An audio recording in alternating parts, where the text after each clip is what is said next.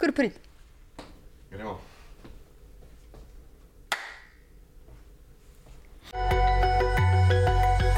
En ena podcast Suzano Lovec. Lepo zdrav uh, vsem uh, poslušalcem in poslušalkam, gledalcem in gledalkam. To je en ena podcast. In uh, lepo zdrav sodelovcu Radia Student in za, časopisa za kritiko znanosti Mateju Kavčiču. Zdrav, zdrav, lepo pozdravljeni. Živijo Matej. Matej je tisti novinar, ki je bil spomladi en mesec zaprt v Iraku. Slovenska javnost je to spremljala, mediji smo poročali, spremljala je tudi mednarodna skupnost eh, in Matej, res sem vesela, da te lahko zdaj pozdravim na enena v enena podkastu. Tako da še enkrat dobrodošel. Hvala. Pa pojdiva najprej um, k tej aretaciji in mesecu dni v zaporu. Zdaj pogovarjala sva se že, oziroma si pisala. Um, ti o tem nočeš veliko govoriti, čim manj praviš. Uh, ravno zato, da ne bi. Um, pozornosti preukrenil iz vsebine, kar si tam počel. Torej, preučeval si jezide, ki so bili med drugim pred leti žrtve genocida islamske države, ne bi rad preusmeril te pozornosti uh, iz te zgodbe uh, na se, na svojo zgodbo. Ampak za začetek, vendarle. Uh, pa dajmo, ne. Pa dajmo. Zmenjena so le par vprašanj. Uh, pa vendarle, uh, torej, kaj se je zgodilo, kako je bilo prebrala, sem in preposlušala sem intervjuje s tabo.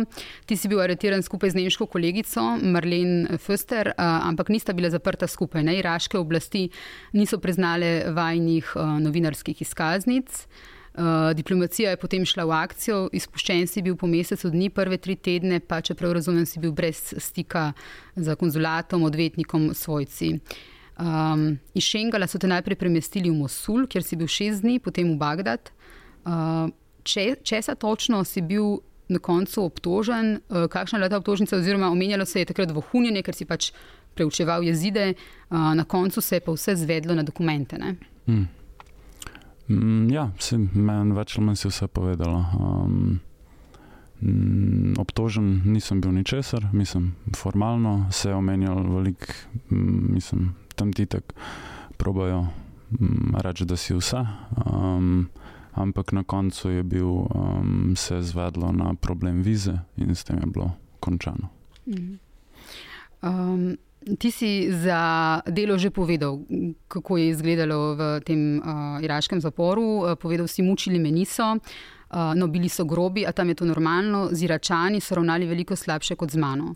So bile pa med zasliševanjem stalnice uh, grožnje s smrtjo, z mučenjem, elektrošoki, govorili so mi, da me bodo izročili plemenskim milicam, da me ubijajo ali da me bodo ubili oni sami. Zasliševanje je bilo veliko. In praviš, um, rekel si, najhujša je bila negotovost, ker nikoli ne veš, kdaj te bojo poklicali, potem greš ven in uklenjen s prevezo čez oči čakaš v vrsti na soncu. Vmes slišiš, da ljudje okoli tebi vlečajo iz vrste, na to zvoke brutalnega mučenja in ne veš, ali boš uh, naslednji na vrsti. Um, tebe niso pretepali, si pa slišal, kako druge pretepajo. Zdaj, uh, pra, rekel si tudi, da verjetno te je pred vsem tem rešil Evropski potni list. Zdaj, če pogledaš nazaj, um, je to verjetno najhujša situacija, v kateri si bil v svojem življenju? Ma ne vem, mislim, da če tako govoriš, vse to, to je bil pač nek, nek manjši del cele situacije. Jaz sem bil tudi tam. Um, pač, zasliševanje je eno, sem si pa tudi dober čas med zaporniki, um, kjer je pač neka, neka solidarnost um, in to ni. Pol ta zaslišanja, sicer si konstantno v, v premišljanju, kaj in kako, uh, ampak um, ne vem, če tako poveš, se sliši, da je res grozen, pa res ni. No. Um, tako da, po moje. Ti si se vmes od sojetnikov začel učiti uh, arabsko? Mm, ja, ja. Uh, povedal si tudi um, za delo, da si si v glavi sestavljal pesem, da ti je to pomagalo. Uh, stavek, ki se mi je zdaj izjemno uh, krasen, uh, reševala me je zavest, si rekel, da nisem ničesar naredil na robe. Ne veš, kaj se dogaja, zato vsakeč čakaš naslednji dogodek, naslednje zaslišanje. Um, ta, ta stavek, ne, reševala me je zavest, da nisem ničesar naredil na robe. Se mi zdi tako tak, uh, močen stavek. Ne samo za to situacijo, ampak za življenje nasplošno. Da takrat, ko si nekako kriv, brez kriv, da te, te ravno ta zavest uh, lahko mm. rešuje, nje se lahko edino oprimaš. Mm. Um, kako je prid potem vsem tem, kar si doživel, kar sem zdaj prebrala, kar si ti že povedal, prid nazaj v Slovenijo in živeti tukaj? Mm.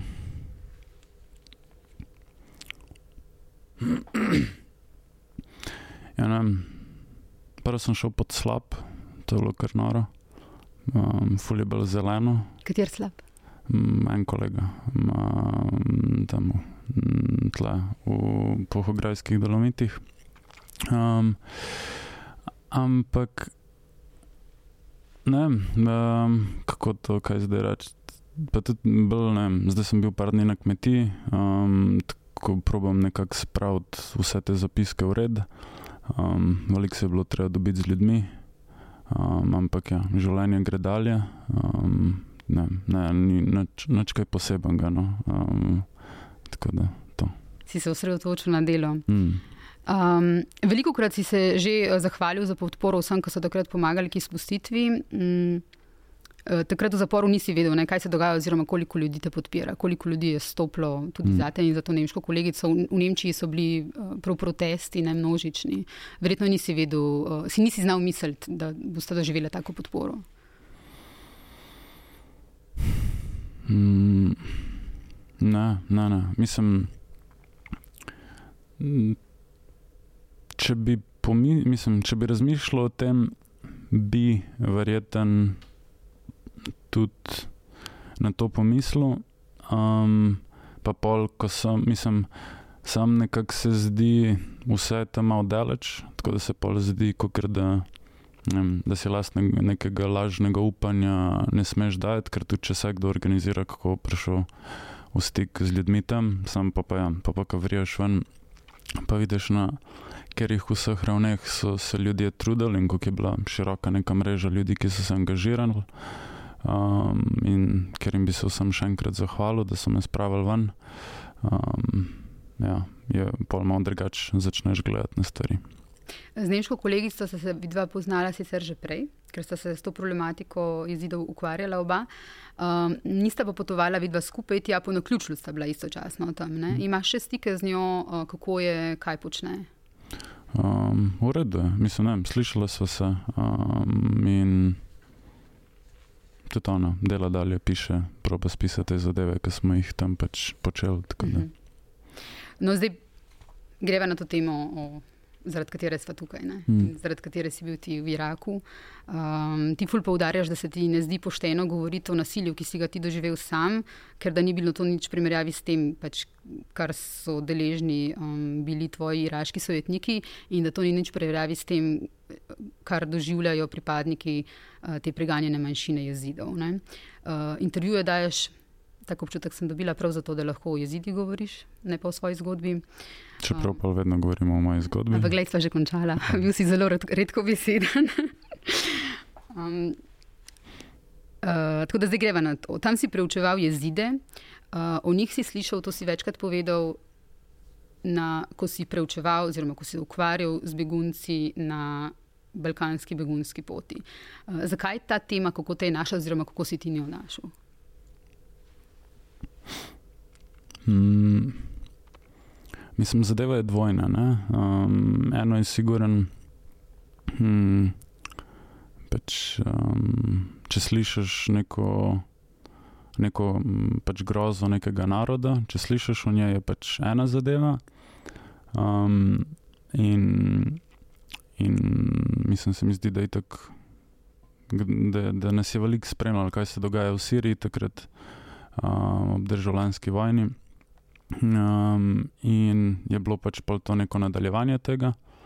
Um, ampak drugo, kar je pa se mi zdi, da bolj pomembno, um, je pa neka zmožnost um, neke skupnosti, neke družbe, da ko se zgodi ta groza, da se pač zna organizirati, da gre čez to in se temu postaviti po robu. ne. Um, in to, to je ta nek moment, ki ki se mi zdi pomemben, da ne, da ne pristanemo na, um, na neke te zgodbe žrtve in pol um, nekega zahodnega humanitarizma, ki gre um, ja, ne, prodajati nazaj te jokajoče zgodbe. No. Mhm. Uh, ti, tvoj prvi stik s to zgodbo je bilo torej prek beguncev tukaj v Sloveniji? Hmm. Uh -huh. Imaš še stike s temi ljudmi, recimo, ki si jih uh, najprej spoznal jezide? Ne, ne, ne, mislim, ne. To, z, z razlogom, z, se ljudem reče, ljudje na poti. Ne, tako da um, pridejo, pa grejo, ne se Slovenija um, zaradi teh in onih razlogov ni ciljna država. Uh, ti si bil torej uh, od januarja do aprila, si delal, si živel med jezidi, um, preučeval njihovo zgodbo, um, se informiral, uh, živel z njimi in uh, rekel si, da so pač tudi izjemno prijazni bili do tebe, gostoljubni in tako naprej. Um, jezidi so bili torej uh, leta 2014, um, je poskušala islamska država narediti genocid nad njimi. Lahko, uh, Oziroma, ga je. Rekli, da ga je. Tako. Uh, nam lahko uh, na, za začetek uh, približaš, v bistvu, kdo so jezidi, povzameš recimo, za slovensko javnost, mm. kdo so jezidi, kakšna je njihova kultura, uh, vira, gre za uh, predarabsko religijo. Mm. Tako. Zdaj, jezidi so ja, etno-religijska skupina, kar mhm. pomeni, da ne ločujejo med tem, kaj so kot ljudstvo in kaj so kot um, verska skupina kar se najbolj odraža v tem, da, naprimer, da če si jezid, se ne moreš v bistvu niti poročati ven, niti poročiti not. Ne? Tako da so v tem kontekstu zaprta skupnost um, in da je tradicija ta, ki. Um, ki pač to ureja. Ne? Zdaj, tudi mogoče oni bi rekli, da niso religija, so bolj verstvo. Mislim, če razumemo religijo tle v kontekstu um, nekih abrahamskih izročil, uh, um, ker je veliko bolj neka praksa življenja. Um, se pravi, in je pa res, da je predarabska, torej pred, oziroma predislamska. Zdaj oni celo pravijo, da so prvi ljudje, ki so spoznali Boga, um, od to njihovo ime um, bi, bi prišlo v, v kurčini, kurmanžiju, ki ga oni govorijo. Um, zdaj, versko je, mislim, imajo veliko nekih elementov čiščenja narave, obenem pa skozi neka stoletja so privzeli pol tudi not elemente abrahamskih religij, od krščanstva, um, judaizma do islama. Pol je vedno to vprašanje, kdo je zdaj na koga vplival, ali so bili oni te, ki so res prvi nekako mm, imeli monoteizem, pa, ali pa oziroma je nek bil skupni bazen, iz katerega so pol pač te veje prišle ven, ampak da je mogoče ta jezicka ohranja več nekih teh um, elementov. Mm, teh nekih primarnih monoteističnih zadev, kot, kot ostale kas, kasnejše nekakšne uh, monoteistične interpretacije. Um, to je ena zadeva, um, drugo, ja, kot sem rekel, češčanje narave in pa ta sinkretizem. Um, zdaj, nimajo. Ja. Uh, zelo močna je ta oralna tradicija uh mhm. -huh. in glasba ima izjemen vpliv. Uh -huh. To si uh, pripovedoval v enem uh, izjemnem pogovoru za radio študent, ki si ga dal, potem ko si se vrnil. Um, kaj pomeni to, da je ta oralna tradicija tako pomembna? Zdaj, glede na to, da je to tako stara tradicija, um, oni so, zdaj se ne ve, mislim, ker je tudi zaradi tega, ker je oralno težko v bistvu. Večina stvari, ki je zapisanih o njih, je zapisanih strani drugih, večinoma v tem kontekstu. Um, osmanskih pisarjev, in oni vedno rečejo, pač ne verjeti, kaj drugi pišejo o nam. Um, glih v kontekstu tega, ker so glih je Otomanski imperij pač glih nad njimi v bistvu največ, um, največ pokolov na redu. Um, 74, kot oni pravijo, da so jih doživeli v svoji zgodovini, 40, 74 je bil ta zadnji stran islamske države 2014. Um, torej, težko. Mm, nekako ugotoviti, koliko je zdaj bilo to, zakaj oralno, ker oni pravijo, da so imeli knjige, pa so bile zažgane, pa pravijo, da, da jih imajo Nemci, pa Angleži v svojih, um, v svojih arhivih, da so jim pokradali. Um, drugo je pa vprašanje, ali so to, se pravi, da če si imel ti. Oni imajo še vedno, um, se pravi, njihov verski sistem je nekako in pol družbeni od 12. stoletja naprej urejen v, v kontekstu nekih družbenih skupin, se pravi, da imaš um, neko versko um, aristokracijo, um, kasto um, praktično in pol neko drugo moridi, ki so večina, medtem ko so te višji um, ših, šehi in piri. Um, in šehi so, naprimer, te, ki so bili um, tudi, ki so edini znali brati. Ne? In pa v tem kontekstu se je to ohranjalo, ampak sčasoma se je zažigal, pa pa ker so konstantno bili pod pritiskom isla, islamizacije od 7. stoletja naprej, um, so se začeli, mislim, so začeli tudi skrivati in um, velik tudi brati, mislim. Ja, se je nekako kot način skrivanja to zakamufliralo v oralno tradicijo. Ne? Mhm. Oziroma, to je tudi ena od možnih razlag. Um, ker je bil glih to nekako tudi eden glavnih, ker niso imeli te svoje knjige, oziroma če bi imeli to svojo knjigo, bi bila to napačna knjiga, se pravi za, za, za islam, mislim, za neke verzije islama. Um, Ki, ki gledajo na, na, na ljudi, ki niso uh, ljudje knjige, kot na heretike, se pravi, nimajo iste zaščite kot muslimani, mislim, kot kristijani in, in ljudje. Um, Tako da, nekako um, v tem kontekstu. Je pa njihova zgodba, ne? ta zgodba, si, zaradi katere si ti tudi pač bil dol, to je zgodba o poskusih asimilacije um, te etnije. Hmm. Um, 74 poskusov praviš, da je bilo. Hmm. Uh, in ta, o katerem bi morali čim več govoriti, je ta iz leta 2014. Hmm. Um, oni so takrat bežali pred genocidom in ti, ti ljudje, ki si jih ti srečeval takrat torej prvi, prvi tvoj stik um, s to zgodbo, so verjetno ljudje, ki so bežali zaradi tega genocida. Mm. Je tako. Mm. Mislim, tudi, ampak je tudi, mislim, tudi mm, širše je pač Irak bil mm. neko območje mm, emigracije mm. v splošnem. Tako da tudi mm, ja, drugače. Mm -hmm. um, Eh, o samo organizaciji, oziroma prej si rekel, da ne smemo gledati, eh, če te malo eh, povzamem, samo na te ljudi kot na žrtve, ampak tudi na ljudi, ki se znajo organizirati, ki se znajo obraniti, ki znajo potem neko strukturo iz mm. neke grozne zgodbe izpeljati. Um, Rekl si v tem pogovoru z Radio Student, da se počutijo na en način zapuščene, da so te spraševali, kaj boste naredili. Um, Hrati pa v bistvu imajo uh, neko samoorganiziranje, uh, demokratično avtonomijo. Če lahko to nam malo pišeš, mm. kako izgleda zdaj dol življenje uh, in ta ureditev. Mm. Mislim, zdaj mogoče to prvo, kar si rekla, to mm, mislim, ker je situacija tam. Mm, no, mislim, je res težka mm -hmm. in ekonomsko, mm -hmm. in varnostno, in v kontekstu neke širše perspektive, mm, rečemo za večino ljudi. Um, in rabiš, um, ker je to težka situacija, rabiš um, nekako v končni fazi ja, verjeti v, v, v to, da se da drugače. Mhm. In se pravi, sprašujejo, hočejo pomoč tisti, ki um, nekako ne. Um, ja, ne verjamejo v možnost samoorganizacije in, in nekega sistema, ki se, ki se, ki se tam vzpostavlja. Ne, ker je vedno vsaki, mislim, zdaj, a to poimenovati um, revolucijalne, je vprašanje, ampak nek, sigurno je nek.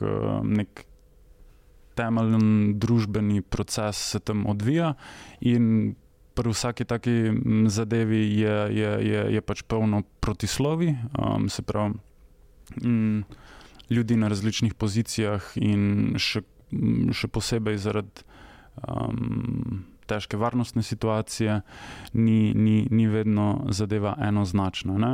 Um, Se s tem nisem nič zares povedal, ampak vse je to dobro povedati. Super, um, kar nadaljuj. Ja, um, tako da, pa, pa to mogoče glede ljudi, ki sprašujejo, kako, mislim, kako pomagati. Ne? Ker je. Um, ker prej, ko si govorila o asimilaciji, uh -huh.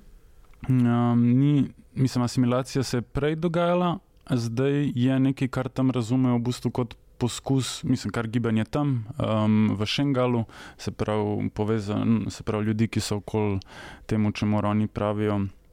Um, avtonomni in demokratični svet Šengala, bi bil prevod. Um, povezujejo v bistvu bolj z depopulacijo. Ne? Oni temu pravijo celo kulturocid. Um, Urbicid, se pravi, ne, govori tudi v splošnem gibanju, govori o, meni se da uporablja celo termin multicid, se pravi, na, na tokih nekih ravneh, ko ti probaš in naravo uničiti, kar je v primeru islamske države, ki je, ki je minirala vodnjake, ki jih je zastrupljala, do neke kulturne asimilacije, rečemo strani um, KDP-a, torej um, Kurdske demokratične, demokratične stranke Kurdistana, ki je vladajoča partija v iraški, iraškem avtomobilu. Iraški avtonomni regiji Kurdistan, se pravi na severu Iraka, kjer vlada ta um, Barzanijev klan, se pravi uh, neki um, poskusi kulturne asimilacije in islamizacije na jezide um, in neke ja, tudi kurdizacije, bi lahko rekli, čeprav ker čeprav jezidi so v nekem um, kulturnem kontekstu, kurdi zaradi glihte neke zgodovine KDP-a, torej Brzanja um, in njihove družine in politike, um, so se, mislim, imajo nek odpor za razliko od rečemo ostalih jezidov do tega, da se dojemajo um, kot kurdi.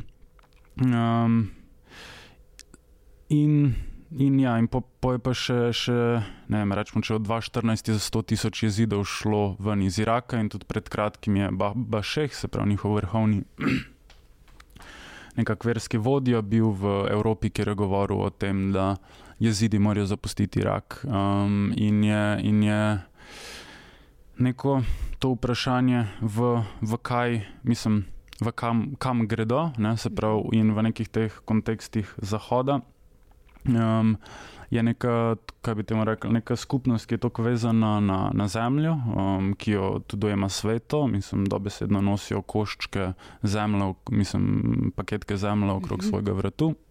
Um, da um, ja, v nekih zahodnoevropskih kontekstih, kjer je, kjer je nek ja, ne, primat države, ki, ki tam niti približno ne deluje na takem nivoju. Um, in je, je skupnost veliko velik, um, šipkejša tukaj, um, se v bistvu zgubi pol nek ta. Um, ja, njihova kultura, njihovo bistvo, njihova identiteta se pol zgubi na Zahodu. Ne? Ker čeprav Zahod govori v bistvu o multikulturalizmu, mhm. je, je, um, je to še vedno na eni in isti podlagi um, neke ideologije kapitalizma, ki po osnovi atomizira. Ne? In glih v tem kontekstu je pol zanimivo, kaj probajo tam narediti. Ki je, um, če mora bi lahko rekel, demokratični konfederalizem um, oziroma demokratična nacija, kar nekako izhaja um, iz ideologije Abdullah Hočalana, torej zaprte vodje delovske stranke Kurdistana, po kateri, po ideji po idejah katerega je tudi. Um, Se pravi, samo, um, sami jezidi in tudi ostali, ker niso samo jezidi vključeni v, v, v ta projekt izgradnje te samoadministracije v Šengalu, um, se nekako probajo um, organizirati po teh idejah. Um, ker je, um, ker je se, torej ten ključ, da naj ima vsaka skupnost pa zdaj ali religijska ali etnična, nekako svoje šole. Um, pomembno je, da ohranjajo svojo identiteto, ampak to ne pomeni samo identiteto, kot jo razumemo, pač ne tle neko folkloro, ne se pravi neko muzeizacijo. Um, Ja, neke preteklosti, ne? um, ampak tudi um, nekako živo, živo skupnostno tvar ne? in, in um, tradicije, običaje, ki, ki, ki živijo naprej, in kako se to samo odraža tudi v političnih procesih. Ne? In um, naprimer, to v Šengalu se nekako šele to šele od 2014 vzpostavlja. In je mogoče ta aspekt, o katerem zdaj govorim, se pravi neka razlika med zahodnim multikulturalizmom in demokratičnim konfederalizmom uh, v kontekstu etničnega sobivanja, kot je na delu v Šengalu, se mogoče bolj vidi v sami Rožavi, torej v mhm. severni in vzhodni Siriji, kjer ta revolucija že veliko dlje traja in je dejansko revolucija v kontekstu, da je. Um, se pravi, ideološko so si podobne. Um, uh, procesi in, in, in politični sistemi so si podobni v obeh regijah, samo da tam traja dlje in tam je, je nekako teritorijalno uspel osvoboditi prostor, medtem ko v Šengalu to še vedno obstaja v nekem um, sobivanju z, z iraško državo in z naprimer milicami Haštal Šabija, ki so. Um, večinoma šiitske milice, no, um, ki so bile ustanovljene 2014 za boj proti islamski državi. Tako da v Šengalu je neko. Um, je neko. Um, kaj bi temu rekel? Ja, nek, nek kolaž različnih akterjev. Uh -huh. Um, Medtem ko je v sami severni in vzhodni Siriji to drugače, in veliko bolj prišlo do izraza, tako da se dejansko in tudi večje, tako da se lahko vidi, kaj pomeni ta sistem, da vsaka skupnost, se pravi, ker so to etnično res raznolik, raznolika področja, se pravi, če imamo v Šengalu poleg jezidov tudi um, arabce, v sosednji vasi Turkmene. Um, pa, pa in šite, so ni to je sicer manj, razen Al-Shamar, um, en, eno pleme. Um, sicer kristijani so prej bili, ampak so uh, po 2014 večinoma odšli. Um, Medtem ko je ja, v severni Siriji pa res cela plejada in Sircev, in Armencev, in Sirijakov. Um, in zdaj sem da mogoče, da vsaka izmed teh posamičnih etnij, religij ima neko um, probo ohraniti svojega bistva prek ohranjanja svojega jezika, svojega šolstva, svoje religije, vere, um, in da znotraj tega da je to neka osnova samoorganizacije, prek česa se pridruži kot rečemo komuna v nekem nereprezentativnem uh, sistemu, da pošilja se pravi neke izvoljenje na generalno raven, prek ne rečemo nekih kvot, kot ne pri nas za manjšine ali pa kot v je pol tudi v Iraku, se pravi um, na narejen. Um, ampak da, da to deluje po nekem delegatskem sistemu, ne, da so da na vsaki višji ravni se v bistvu ureja za, za na, na vzdolj, um, da ni mm, centralnega vladanja, ampak da skupnosti v bistvu urejajo svoje zadeve tam, kjer jih, ko pa ni ne morajo, pa pošljajo to na višjo raven. Uh -huh. um, glede jezidov si rekel, da je uh, to izjemno patriarhalno okolje, ampak da, da, je, da je tudi tukaj zelo zanimiva ta dvojnost. Ne? Uh, izjemno patriarhalno okolje, uh, po eni strani tudi ta kasni sistem, ki si ga tudi danes že omenil, uh, hkrati pa recimo so ženske, imajo tudi oborožene enote, avtonomno organizirane ženske in tako naprej. Ne? Kako vidiš to dvojnost? Kako funkcionira? Hmm. Mislim. Ja. Hmm. Ja, glede tega, kasnega sistema še, mislim, je, ja, ne, ne bi preveč sodel, ker ne znam, ker imajo pač ljudje iz tam različni, različne poglede na to. Um, glede, um, glede vprašanja patriarhata, pa ja, lahko nekako um, govorimo o tem, kar, kar um, organizirane um, jezidinje govorijo o tem. Um, In ja, se pravi, ne vem, tam rečemo 2000, poleg tega, da imajo, se pravi, že od samega začetka, torej 2014 na, na Gori Šengal, um, se je ustanovila um, oborožene, se pravi, če je um, ta um, generalni del, se imenuje Jebeše, torej. Um, uporniške ali pa m, varovalne enote uh mhm. -huh. Šengala, mhm. um, in potem žensk, kjer so in ženske in moški, uh mhm. -huh. in potem ženska veja, kjer so pa samo ženske. Um, potem obstajajo tudi, se pravi, ker imaš tudi, obstajajo tudi neke varnostne sile, notranje ali policija, oni temu rečejo as, asaiši in je glih nekako, sem bil jaz tam, so se nekako urile prve ženske enote. Um, in pa, pa je tudi, eh, se pravi, taže, je naprimer tam um, gibanje um, svobodnih žensk Šengala, um, bi se prevedel. Um, ki je pa neka organizacija, ki skrbi, ki ima v bistvu svoje svete, in tudi um, po najmesti, da jih je bilo takrat v osmih vseh, um, kjer se v bistvu ženske dobivajo in imajo na nek način v bistvu paralelen, paralelen sistem generalnemu. Um, se pravi, če, je, če imaš ljudske svete, v vsaki vasi imajo nekatere pa še ženske svete, da se um, v bistvu tam ureja um, ženske zadeve, se pravi, velikrat se gre za, za vprašanje um, nekega nasilja v družini. Um, da da um, te organizacije intervenirajo. Um, drugo so, um, velik, velik pomen je bil 2014 na tem, da ker je bilo toliko enih jezidin ugrabljenih, da, da, tega, ja. Ja, da, da se jih osvobodi. Um, in do, do tudi čisto v bistvu osveščevalnega in nekega ideološkega dela um, v, v, generalni, v generalni skupnosti. No.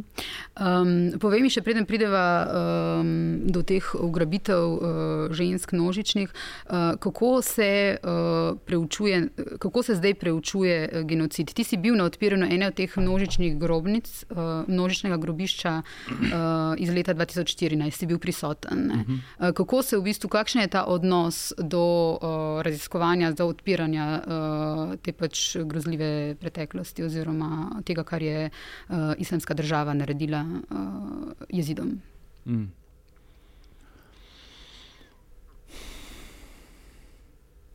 Hmm. Zdaj.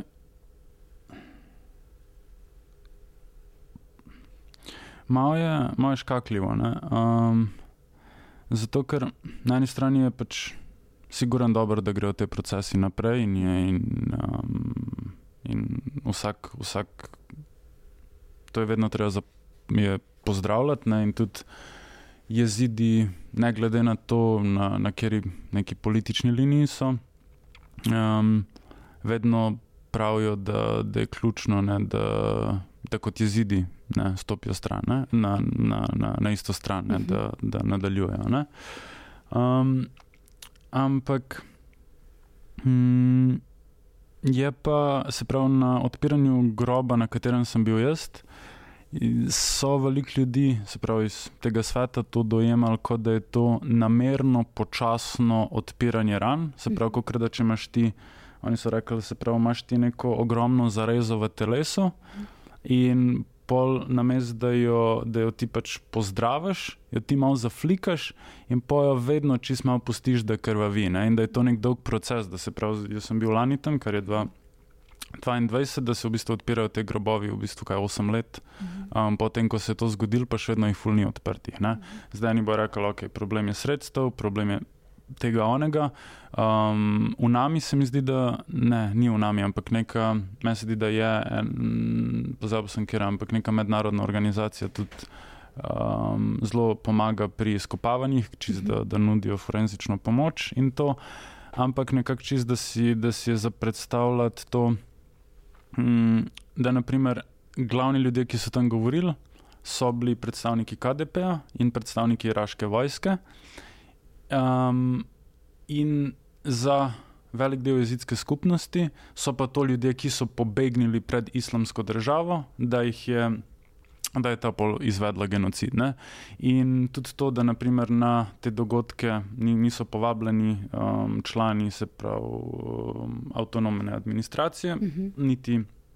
Um, niti se ne omenja, naprimer, ob vsem tem uh, JBŠ in se pravi teh samoorganiziranih enot, um, ki so o, naredili, ki so dale v bistvu največ uh, padlih za to, da se, da, da se obran, da se obran šengalsko prebivalstvo, da se obran šengal kot tak um, se jih ne vabi na te dogodke in pol tam govorijo ljudje, ki so v bistvu pobegnili um, od genocida. To veliko ljudi dojema kot ja, odpiranje rane, pa pa še sovanje.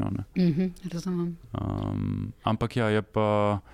Ja, je pa pomemben, da se pa kljub temu to nadaljuje. Uh -huh.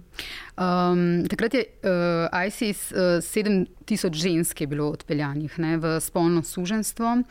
Otrok in žensk. Uh, otrok in žensk um, leta 2017 je bila v Sloveniji na obisku takrat 19-letna Lamaija Adžaj Bašar, ki je uspelo pobegniti iz uh, ujetništva.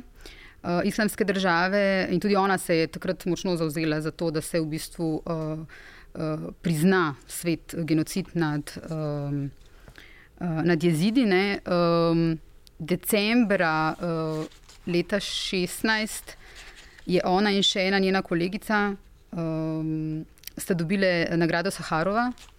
In uh, Branko Soban je takrat uh, napisal um, tek za delo, svet mora vedeti, kaj se je zgodilo. Uh, Tako je napisal: Zagovorniški odr Evropskega parlamenta je po podelitvi priznanja prva stopila Lamaija Adži Bashar. Dejala je, da je ta nagrada pravzaprav priznanje vsem jezitskim ženskam, ki so še vedno v rokah islamske države in teh je zdaj, to je bilo leta 2016, 3500.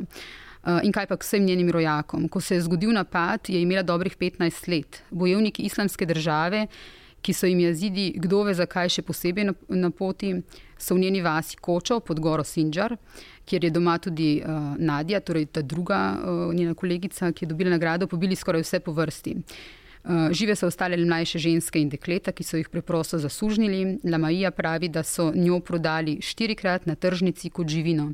Vsakokrat je pobegnila, a so jo vedno znova ujeli. Zadnji lasnik je bil Eslam, iraški zdravnik, ki jo je nekno mučil in posiljeval njo in druga dekleta, a na zadnje je le uspelo, da mu je pobegnila. Zdaj, svet mora vedeti, kaj se je zgodilo. Uh, je naslov tega članka bilo takrat, pa ve svet. Mm. Ja, ne, vprašanje je, če se ne motim, ker zdaj so bili veliki. Mislim, svet je se mi zdi, da do neke, mislim, je kar, je kar razvedel, ampak zdaj, da ve, je nekaj, kaj pa pol je glede mhm. tega, je pa, je pa nekaj drugega. Ne? Um, in naprimer, zdaj so bili in um, sprav uporabljalo vprašanje priznanja genocida. Mhm. In meni se zdi, da je, ne vem, če ni prav mogoče pred parimi tedni, zdaj pred kratkim Nemčija, ali ne vem, da so mogoče celo priznali, ne vem, ampak neka, ali je bila neka država, um, bogim batina država ali neka bogim batina inštitucija, da so priznali to kot, um, kot genocid, kar je. Kar je, mislim, ja, kar je zelo pomemben, ker to omogoča pol da um, se to uporabi tudi na, mislim, kot nek argument na sodišču. Ne? In tle pa pol to drugo vprašanje, ki pa je sojenje borcem islamske države, um, ki se odvija v Nemčiji. Mm, mislim, eno izmed njih se odvija v Nemčiji, oziroma vsaj verjetno za Nemške. Um, tudi jaz sem bil um, pred kratkim tam um, in zdaj tam je, tam je pa problem, da se o tem ne poroča um, tudi zelo slabo nekako um, je zastopano, mislim, nekako je pokrivano m, celo to dogajanje, kar pomeni, da jezitske skupine iz Nemčije v bistvu probajo in pač neki ljudje v solidarnosti probajo hoditi na te. Na ta zaslišanja uh mhm. -huh. in beležiti, kaj se govori, zato da, da gre v arhiv, ker um, nekako gre vse to pod radarjem um, in ne um, in se proba sam nekako na hitro opraviti s tem, bolj reda radi. Ne? Ker zdaj, zakaj um, se pa pol upnemo v, um, pač v geopolitiko med Nemčijo in Turčijo in um, vprašanje se prav turških uh, verskih organizacij v Nemčiji, ki držijo, ne vem, eni pravijo, da je 8000, ne vem, da je samo v ne vem, kaj, ne vem, kaj, nek raziskovalni novinar, se mi zdi, da je nemški dal cifro 8000 uh, turških agentov v, v Nemčiji, v, v pravi, državnih strukturah in drugih nekih organizacijah. Ne? Um, kar pomeni, da in zdaj. Jezidi so, kot večina kurdov strani turške države, avtomatično teroristi. Um, in Turčija pa tudi rabi islamsko državo, jo je rabila in še vedno jo, da ji nekako pomaga uh, pri tem, da v bistvu ohrani ta svoj turški nacionalizem in jo op, o, uporablja za svojo v bistvu proksi silo. Uh mhm. -huh. In je tudi zdaj pred kratkim, um, je nek komite, um, se pravi iz Jezidi Justice Committee ali nekaj podobnega, se pravi, večinoma angliška neka organizacija, um, ampak ja, se pravi, neki dokaj visoki pravniki mednarodnega prava. Um, bazirani v Angliji, ki so bili že prej udeleženi v različnih um, tribunalih, um, kjer se je sodlo, um, vem, tudi za Miloševiča in podobne zadeve. Um, so v bistvu rekli, da, da turška država, iraška država in sirska država so vsi nosijo odgovornost za sodelovanje pri. Um, mislim, ne, ne za sodelovanje, ampak nosijo odgovornost za genocid nad jezidi leta 2014. Um, ti opozarjaš tudi, praviš, um, noro je, kako konstantno slišiš drone. Uh, turške in da to gre za v bistvu psihološko vojno. Če lahko malo to opišeš, kaj se dogaja, kaj s temi droni. Ja, ne, to je, da si v, last, v lascah, ne vem, veš, kaj je v lascah, kaj je to pač letališče. Ne? In se pravi, to je isti zvok, kot te, ne kaj se reče, cestni, um, športni um, propelerji, um, štiri sedežni ali dva. Um, in to je skozi zrak, je nekaj, kar prej pač asociiraš s tem, da je to pač ono, nek bzz.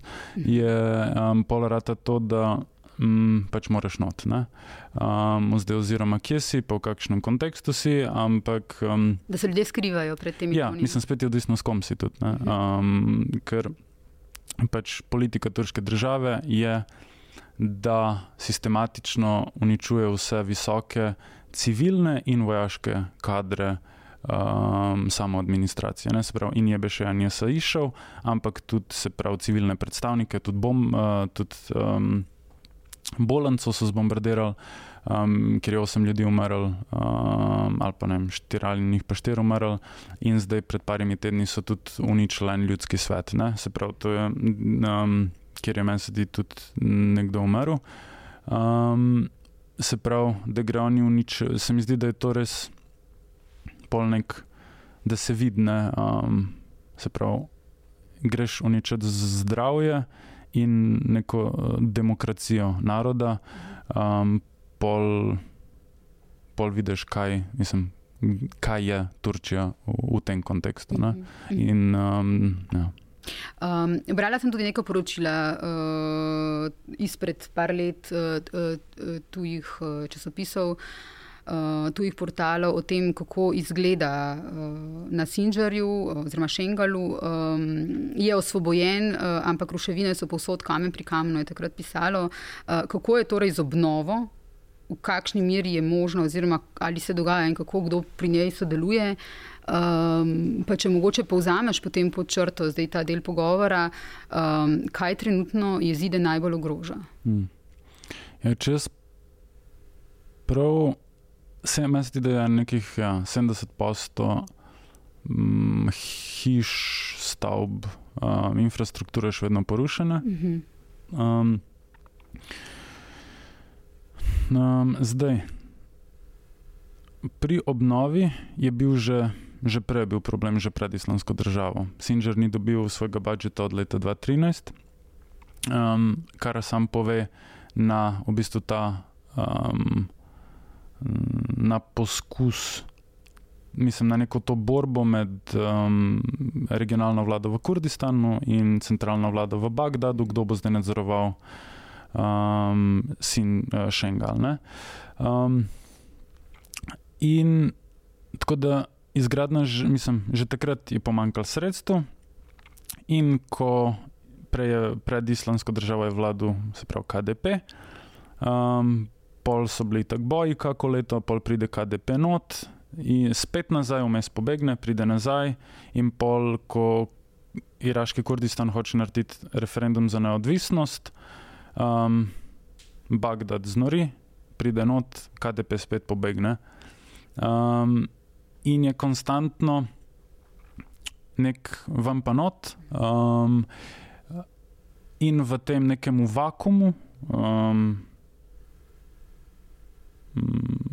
nudenja osnovnih storitev ljudem, se vzpostavi avtonomna sam, samoadministracija, ne, ki izhaja v bistvu iz potreb v samem kampu na Gori Šengal med eh, bojem z islamsko državo, da ljudem v, v begunskem taborišču v bistvu nudi vodo, zdravila, hrano in tudi m, mm, samo obrambo. Ne.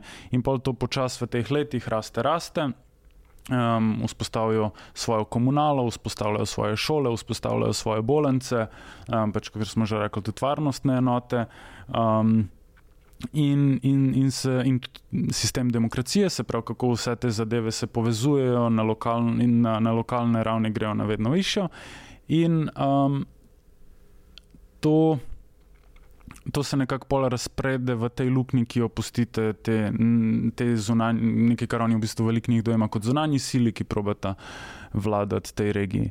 Um, in v tej situaciji so še vedno nekako zdaj. Ne? Um, naprimer, samo administracija proba, um, mislim, dela um, te njihova komunala proba cigle delati, kaj so to mhm. opeke.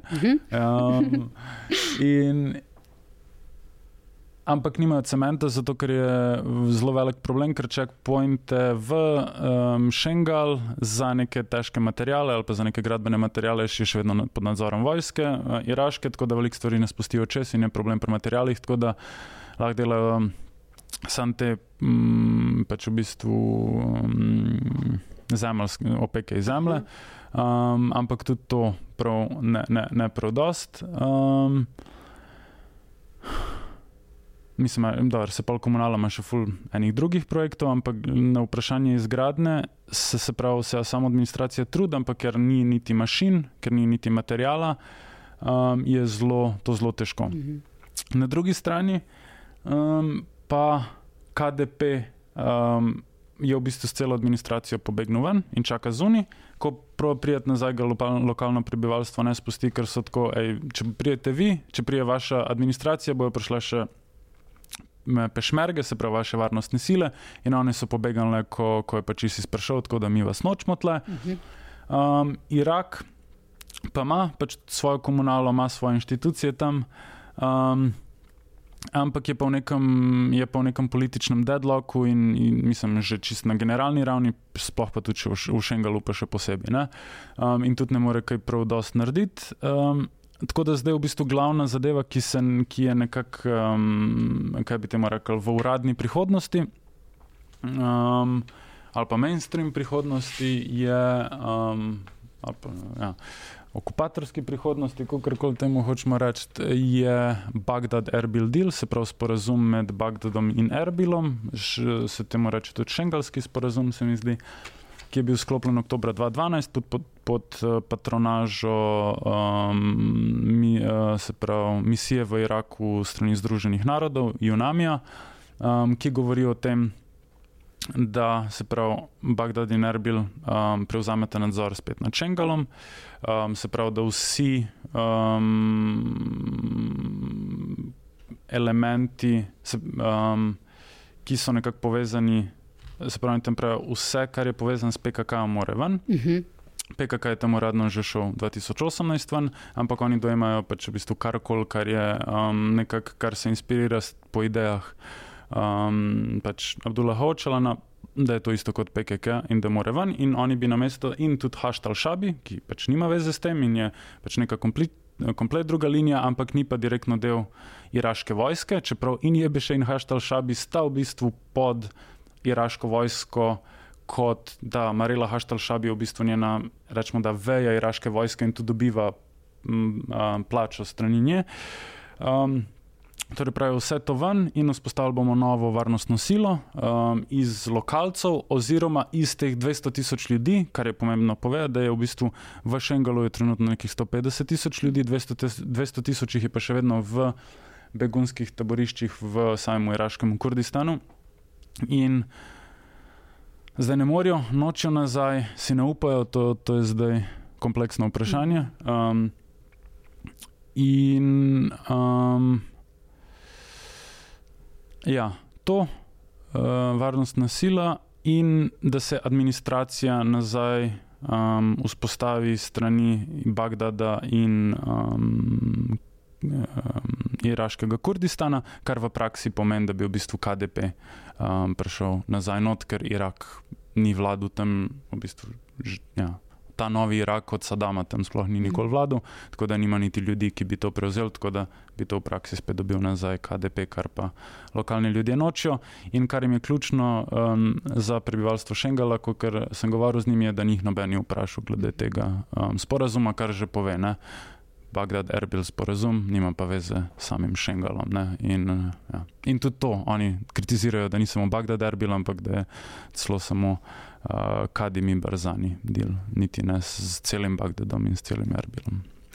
Če se vrnemo na to, kar smo prej omenili, na balkansko, tako imenovano balkansko begunsko pot, tle, kjer so tudi jezidi hodili, hodijo. Um, Mi smo pred uh, nedavno imeli en long read na strani, uh, pod strani Poglobljeno.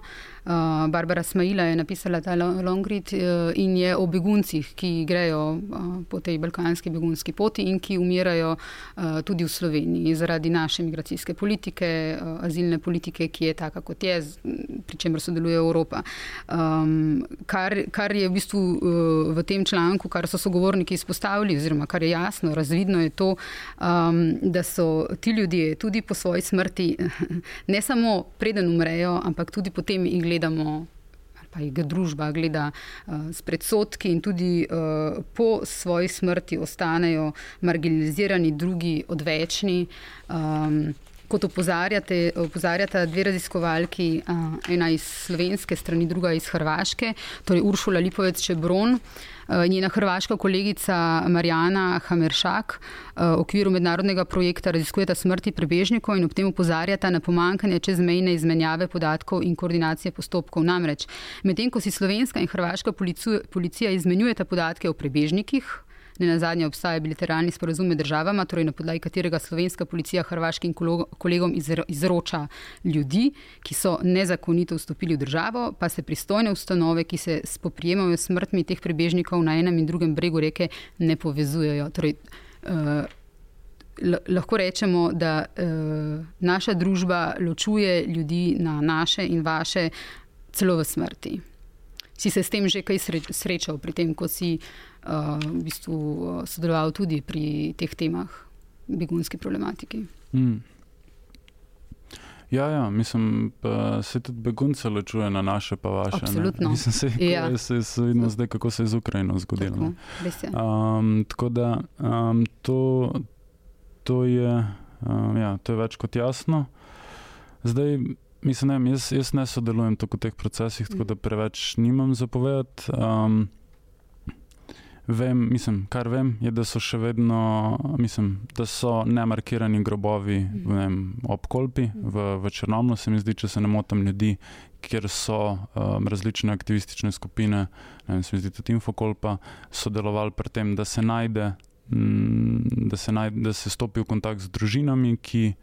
Um, Preminulih, um, ubitih, lahko tudi rečemo, um, ampak je to pač, um, ja, ker ni podpore strani države, tudi velikrat um, držav izvora, um, države izvora, velikrat tudi um, so malo zgubljene, predtem je to. Je To težko. Ampak eh, to, to s čimer se srečuješ, ti v bistvu pri vseh tematikah, okay, in, in begunski, in zdaj pri jezidih, je, je v bistvu eh, skupna točka tega, vsekakor so ti predsotki, nacionalizmi, rasizmi, uh, um, to, da je ena etnija osovražena, to, da gledamo na ljudi kot tujce. Hmm. Um, uh, Faruk Šehič, uh, avtor izjemnega dela o vojni, uh, knjiga o Uniji, je enkrat za 24 ur fokus med drugim rekel, um, ko smo govorili o beguncih, ki jih Evropa pušča na hmm. predvrati Evrope, da tam v tem žepu v Bosni, kjer so tudi ki je v bistvu non-state, mm. praktično mm. na mnogih nivojih, um, in jih pušča na milost in nemilost uh, tem prebivalcem, ki so sicer dobro namirno nastrojeni proti njim, večinoma, ker so bili tudi sami v podobni situaciji. In Faruk Šehič je takrat rekel: Tudi sam sem bil med vojno begunec, 44 mesecev sem, živel po tujih hišah, ljudje grejo iskat boljše življenje. Ne obstaja niti en sam razlog, zakaj bi jih jaz obsojal ali smatral za nekaj negativnega v naši državi, ker mi smo vsi migranti. Vsi smo migranti, na konec, kon, konec koncev Jezus je bil migrant, Judje, Mojzes je bil migrant. Um, kako je, Matej, misliš, da možno, uh, vem, da so to naivna vprašanja, pa jih zavestno zastavljam kot naivna, uh, da večina ljudi uh, v 21. stoletju, tudi v Sloveniji, nima tega zavedanja, da v bistvu smo samo po neki sreči. Um, ali pa na ključju. Uh, mi rojeni tukaj in take poti živimo v Ljubljani, na Iljerski bistrici, kjerkoli. Uh, in nismo rojeni vem, v Šengalu ali pa v Siriji. Pa, um, skratka, moje vprašanje bi bilo, kako si ti pojasniš uh, to naravo. Veliko knjig je o tem že napisano, ampak tvoja izkušnja, tvoje razmišljanje me zanima. Uh, to, da se v 21. stoletju še vedno oziramo, ozira, ozira dobršen del družbe na to, odkje je kdo, kakšen je kdo, uh, kakšno barvo kože ima, kakšne ima običaje. Na veliko ti to. Um, Kar razmisli. mislim, prva zadeva je. Um, se mi zdi, da je napačno to, da imate kot na ključe. Se pravi, vse hm, neke hm, razlike v možnostih um, srečnega življenja uh mhm. -huh. so zgodovinske, uh mhm. -huh. so, ma, so človeškega izvora uh mhm. -huh. in se jih da spremeniti. Uh -huh. Okolikor jih dojemo kot na ključne in stvar usode, um, potem take tudi ostanejo. Uh -huh. Um, tako da to se mi zdi prva zadeva. Um, in druga zadeva je pol v tem kontekstu. Um, se pravi, če govorimo um, slo, o, o slovenskem teritoriju, ja, to, mislim, to je druga priča, ker. Ja, če je slovenski narod nek narod hlapcev, ki je postal, um, ki je postal narod junakov in pol narod herojev dela, um, in potem vse sprivatiziral in šel na, na, na bone v restauracijo kapitalizma. Um, nima, mislim, razen do. Razen juga, um, rečemo v kontekstu um, rečemo, do Kosova in Albanije, uh, do Kosova in Albanije in Slovenija po osamosvojitvi nekega mehkega ekonomskega kolonializma, ampak še vedno na Balkanu, -hmm. ki to je. -hmm. In je temu tudi treba reči, da ne govorimo pač o izbrisu, um, ki ni 25.000 ljudi, ampak je 200.000 ljudi, sam 25 jih je bilo pač izbrisanih. Če damo vse to, da to ni, um, da, da, da Slovenija nima črnih pik ali pa narod, mislim, kako koli ta kategorija sploh velja. Um, pol, pol um, ljudje ne bi rabili zdaj odgovarjati za te gobe. Um, Ljudi iz celega sveta, da um, pridejo sem, in tudi načeloma ne odgovarjamo, ker ljudje hočejo pač mimo. Um, zdaj, zaradi azilne politike ali, ali zaradi drugih zadev, je to vprašanje, ampak hočejo tja, kjer je cache in cache je tam, kjer je nakraden. Tla ni preveč cache nakradena, ker realno se ni preveč kradel. Um, in zdaj glavni problem je pa, prav kot v kontekstu Bosne, je pa, da Evropska unija pač zapre vrata. Ne? In tla smo pa mi Um, tle pa smo del celega problema, v kontekstu smo del um, NATO imperialistične zveze, smo del Evropske unije, ki je spet um, v Severni Afriki um, in na Balkanu pač neka kolonialna entiteta, ki ima tudi znotraj sebe neke relacije centra in periferije, kar se je poznalo pri nas, ko smo se pridružili v Eurocono in kar se bo zgodilo še bolj v Hrvaški. Um, in v tem kontekstu um, je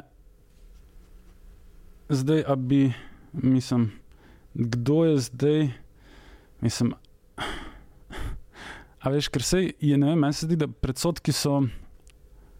Kdor, mislim, komur se zdi, da ljudje lahko obstajajo brez predsotkov, je, mislim, se dojem, ne, ja, ne, se dojema iz pozicije Boga. -huh. Ljudje smo omejeni in -huh. Um, in da, da s tem, da sodimo, to pomeni, da smo dejansko živi. Um, in zdaj pa, in tudi se mi zdi, da je velik. Um, Spoznal sem enega lika, ki je na, rečemo, na politični liniji, na širši liniji. Ne, mi je govoril o tem, kako bi ne, rečemo, ljudi kot sem jaz, um, hrvaška policija, mogla petkrat bolj pretapsti. Ampak ob enem, ko ga pa spoznaš z nekim modelom iz Eritreje, mu pa človek da čevlje. In je, se mi zdi, da je velik um, ne vem. Eh, Neznanja, a to hočeš reči. Ma, ne da vem. ljudje gledajo na, da, da predsotke obstajajo tudi zaradi tega, ker ljudje nimajo stika z drugimi ljudmi. To, to je sigurno. Ja. Mislim, veš, ker če gledaš, gled, gled, gledaš komentarje na um, vzem si ga domov. Ne? Se pravi, kdo reče vzem si ga domov? Ne meni mnogi na Twitterju. No, no, no, okay. Ampak to so ljudje, ki, de, ki dejansko se čutijo, da morajo pol človeka domov vzeti. Medtem ko neka liberalna meščanska srednja pa si predstavlja, da imaš ti neke državne inštitucije, ki bi mogle za to poskrbeti. Mhm. In se mi zdi, da je tle, tle razlika ne? in da je v bistvu na nek način govori gostoljubje iz teh ljudi, ker se pol čutijo, da jih oni pol dejansko morajo k sebi domov vzeti. Dobro, ti si bolj naiven, kaj jaz. Torej. Ja, ja. Ja, ok, dobro. Um, mislim, kar ne pomeni, da, da ukolikor pač. Um, da, mislim, in se mi zdi, da je treba, imeti, uh, da je treba izhajati iz, iz, iz, iz teh pozicij, zato ker um, če ne verjamemo v to, da lahko vsi skupaj živimo, Mhm. in pač um, potem tudi ne bomo. Ne? Mhm. Ampak da, ukolikor pa. Uh, ljudje strežejo po življenju drugih, se pa treba pač tudi temu fizično upreti. Mhm. Um, Ja.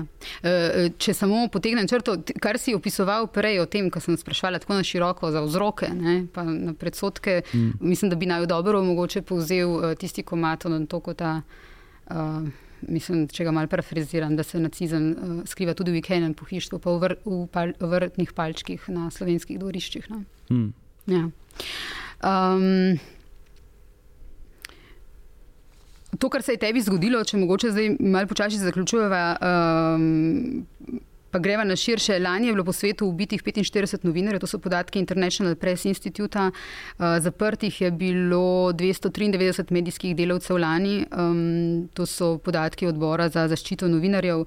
Uh, Boštjan Videmšek je pred nekaj tedni tukaj uh, sedel, kjer zdaj ti sediš, uh, opisoval, kaj se je zgodilo, na kak način je bil ubit uh, njegov prijatelj, njegov dober prijatelj, brat, kot pravi Boštjan, uh, ko je upravljal uh, svojo novinarsko nalogo.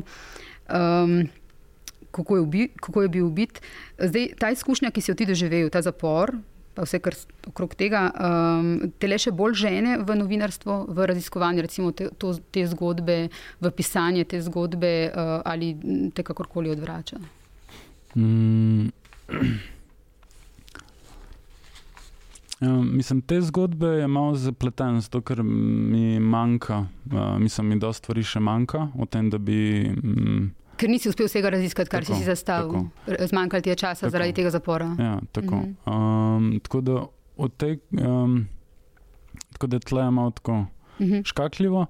Um, ampak um, generalno mi je pa, ja, mi je pa definitivno dal cela stvar, mislim, velikega zanosa, um, še sploh zaradi tega, ker hm, sem, ja, sem spoznal tam toliko neverjetne ljudi, um, ki, ja, ne da se. mm,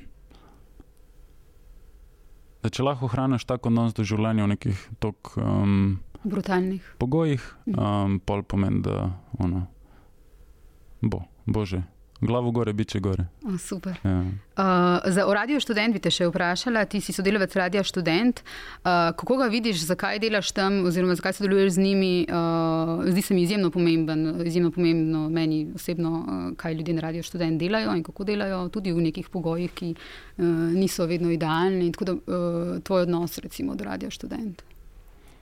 Ja, hm, ja, mislim, generalno gledano. Hm, Je hm, pač pomembnost neprofitnih, neodvisnih um, medijev, je, mislim, je, je, je neoporečna. Um, in še sploh, um, se pravi, ne vem, zakaj je bilo meni noro, ker sem pristopil, jaz sem malo kasneje pristopil, ljudje začnejo pr, ne vem, že, že, ne vem, kaki že v, v srednji šoli, kaki na začetku faksa, jaz sem malo kasneje.